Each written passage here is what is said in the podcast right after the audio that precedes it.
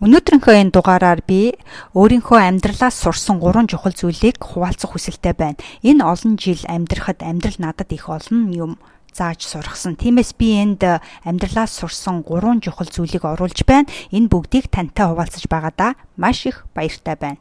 Та хүс хий хүр уука төмрийн хамт подкаст сонсож байна.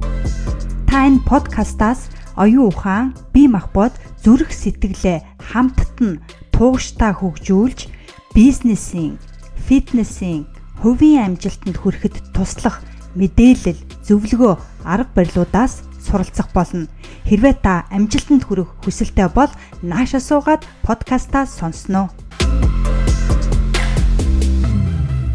За тэгэхээр амьдралаар сурсан эхний зүйл юу вэ гэвэл амжилт хизээч таны нөөц болцооноос хамаарахгүй. Таны авхаалт самбатаа шууд холбоотой гэдгийг би мэдэж авсан.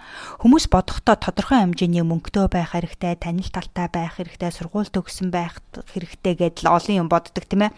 Хэрвээ үнэхээр хүсэж байгаа бол үндэ танд аль нь ч хэрэг болохгүй. Аль нэг нь хэрвээ байгаа бол мэдээж сайн хэрэг. Байхгүй бол санаа зовлтгүй. Байхгүйгээр амжилтаа эхлүүлж болно. Байхгүйгээр амжилтанд хүрэх боломжтой. Би анх бизнесээ эхлүүлж байхад надад мөнгө байгаагүй. Би ядуу байсан. Надад танил тал байгаагүй, туслах хүн байгаагүй, бүр ганц ч хүн байгаагүй. Интернетийн тухай ямар ч мэдлэг байгаагүй, фэйсбүүкээ хүртэл яаж ашиглахыг мэддэггүй байсан. Гэхдээ надад нөөц болцсон алга гэд би зогсоогүй. Харин ч үүнийгээ challenge сорилт гэж бодож байсан. Тиймээс айдсаа хажуу тийш нь түлхэж байгаад оронд нь хүссэн газраа хүрэхийн тулд юу мэдэх хэрэгтэйг сурахын тулд оюун ухаанаа нээлттэй байлгахаар шийдсэн нь намайг хоёр дахь чухал зүйл рүү оруулсан.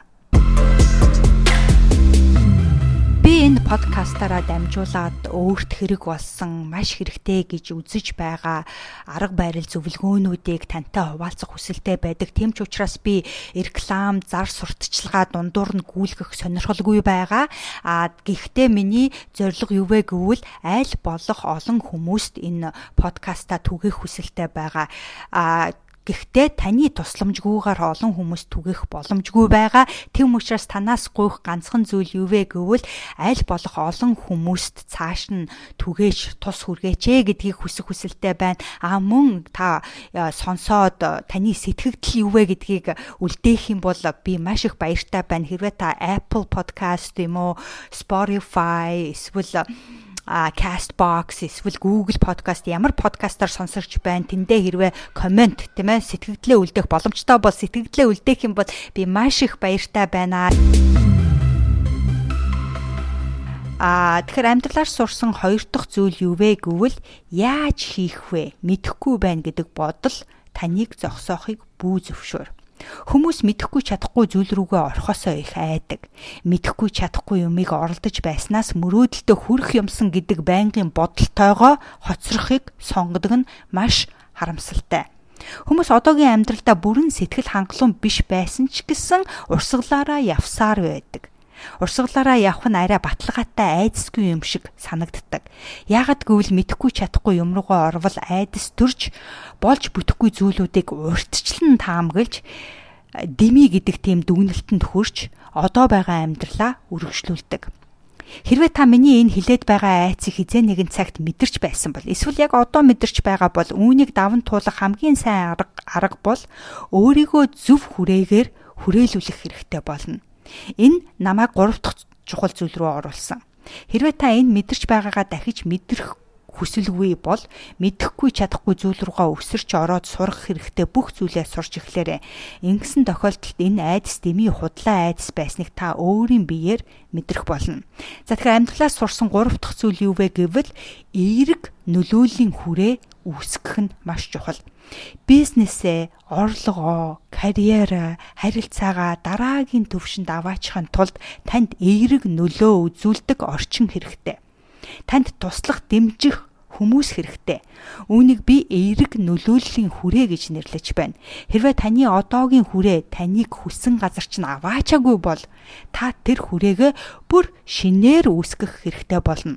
Надад анх энэ хүрээ байгаагүй. Тэм учраас би өөрийгөө номоор хүрээлүүлсэн. Тэр үед сошиал медиа гэж байгаагүй учраас өдөр болгон ном уншиж тэмдэглэл хөтэлж мөн аудио бичлэгүүдийг машинда, гэртээ хаа явсан газараа сонсдог байсан. Нэг өсөндөө эерэг хүрээгээ би ингэж үүсгэсэн.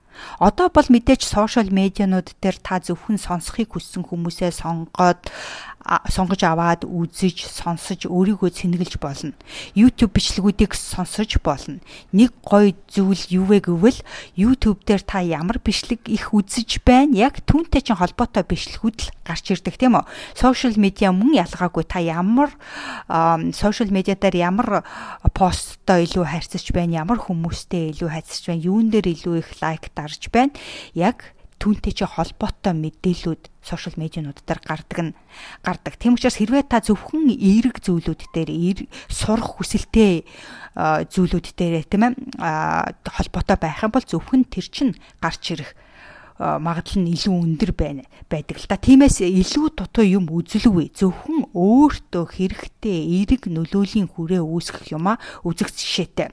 А гэхдээ бас нэг юм хэлээ л да. Юу вэ гэвэл хэрвээ танд тэмээ эерэг нөлөө нөлөөлийн хүрээ үүсгэх тэр боломжтой бусад та хайрцах шинээр найз нөхөд үүсгэх networking хийх тийм ээ лекцэнд суух дугуйланд явах, йоганд явах, дасгал фитнес клубт явах, шинэ бизнесийн хувь хүний хөгжлийн сургалтанд явж бусад олон эерэг хүмүүстэй те эргээр харьцаж эерэг нөлөө үүсгэх боломжтой бол тэр нь хамаагүй дээр. Харвээ тэгэх боломжгүй тохиолдолд та ном уншиж, бичлэг үзэж түүнийгээ өөрийнхөө эерэг нөлөөлийн хүрээ болгож үүсгэх болно гэсэн үг. Тэгэхээр миний хувьд болохоор таньдаг мэддэг хүн байхгүй, яг яаж таньдаг мэддэг хүнтэй болохоо мэдэхгүй байсан учраас олон жилийн өмнө 2000 3 4 оны үед тийм ээ би яг хэрхэн яаж энэ эерэг нөлөөлөө үүсгэх анх мэдэхгүй байсан. Тийм учраас зөвхөн надад ном тусалж байсан.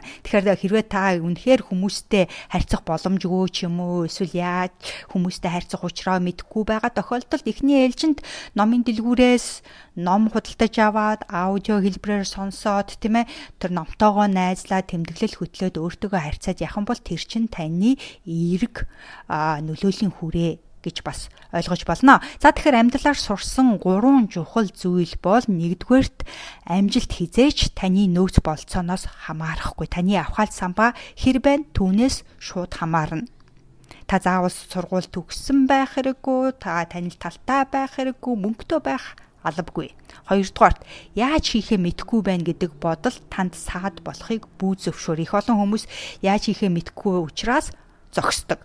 А тэгтэл үүнийг саад болохыг та өөртөө битгий зөвшөөрөөрөө гэдгийг хэлэх хүсэлтэй байна. Хүсэн газраа хүрэхийн тулд юу сурч мэдэх хүсэлтэй байна. Түүнийгээ сурч мэдэж эхлээрэй. Нэгсэндээ оюун ухаанаа нээлттэй байлгаараа. Гуравдугаарт эерэг нөлөөлийн хүрээгээ үүсгэх. Өөрийгөө эерэг хүмүүсээр хүрээлүүлээрэ. Хэрвээ одооны хүрээлж байгаа хүмүүс чинь таныг амжилтанд хүрэхэд тус болоогүй бол шинээр эерэг нөлөөлийн хүрээгээ үүсгэх хэрэгтэй. Хэрвээ үүсгэх боломжгүй байгаа бол ном уншиж эхлээд аудио ном сонсож үзээ тийм ээ YouTube бичлэгүүдийг үзээд сошиал медиануудаар зөвхөн эерэг хүмүүстэй эерэг зөвлөлтөд өөрийгөө хүрээлүүлснээр та эерэг нөлөөлийн хүрээгээ үүсгэж байна гэж ойлгож болно. Тэгэхээр миний энэ амьдралаа сурсан гурван чухал зүйл таны амжилтанд туслах байх гэж бодож байна. Хэрвээ тусалсан бол цааш нь найз нөхдөд түгээгээрээ өдрөө сайхан өнгөрөөгөөрөө дараагийн дугаар хүртэл баяртай хүс хий хөр зөвхөн таны өөрийн хүсэл эрмэлзэл таныг амжилтанд хүргэнэ.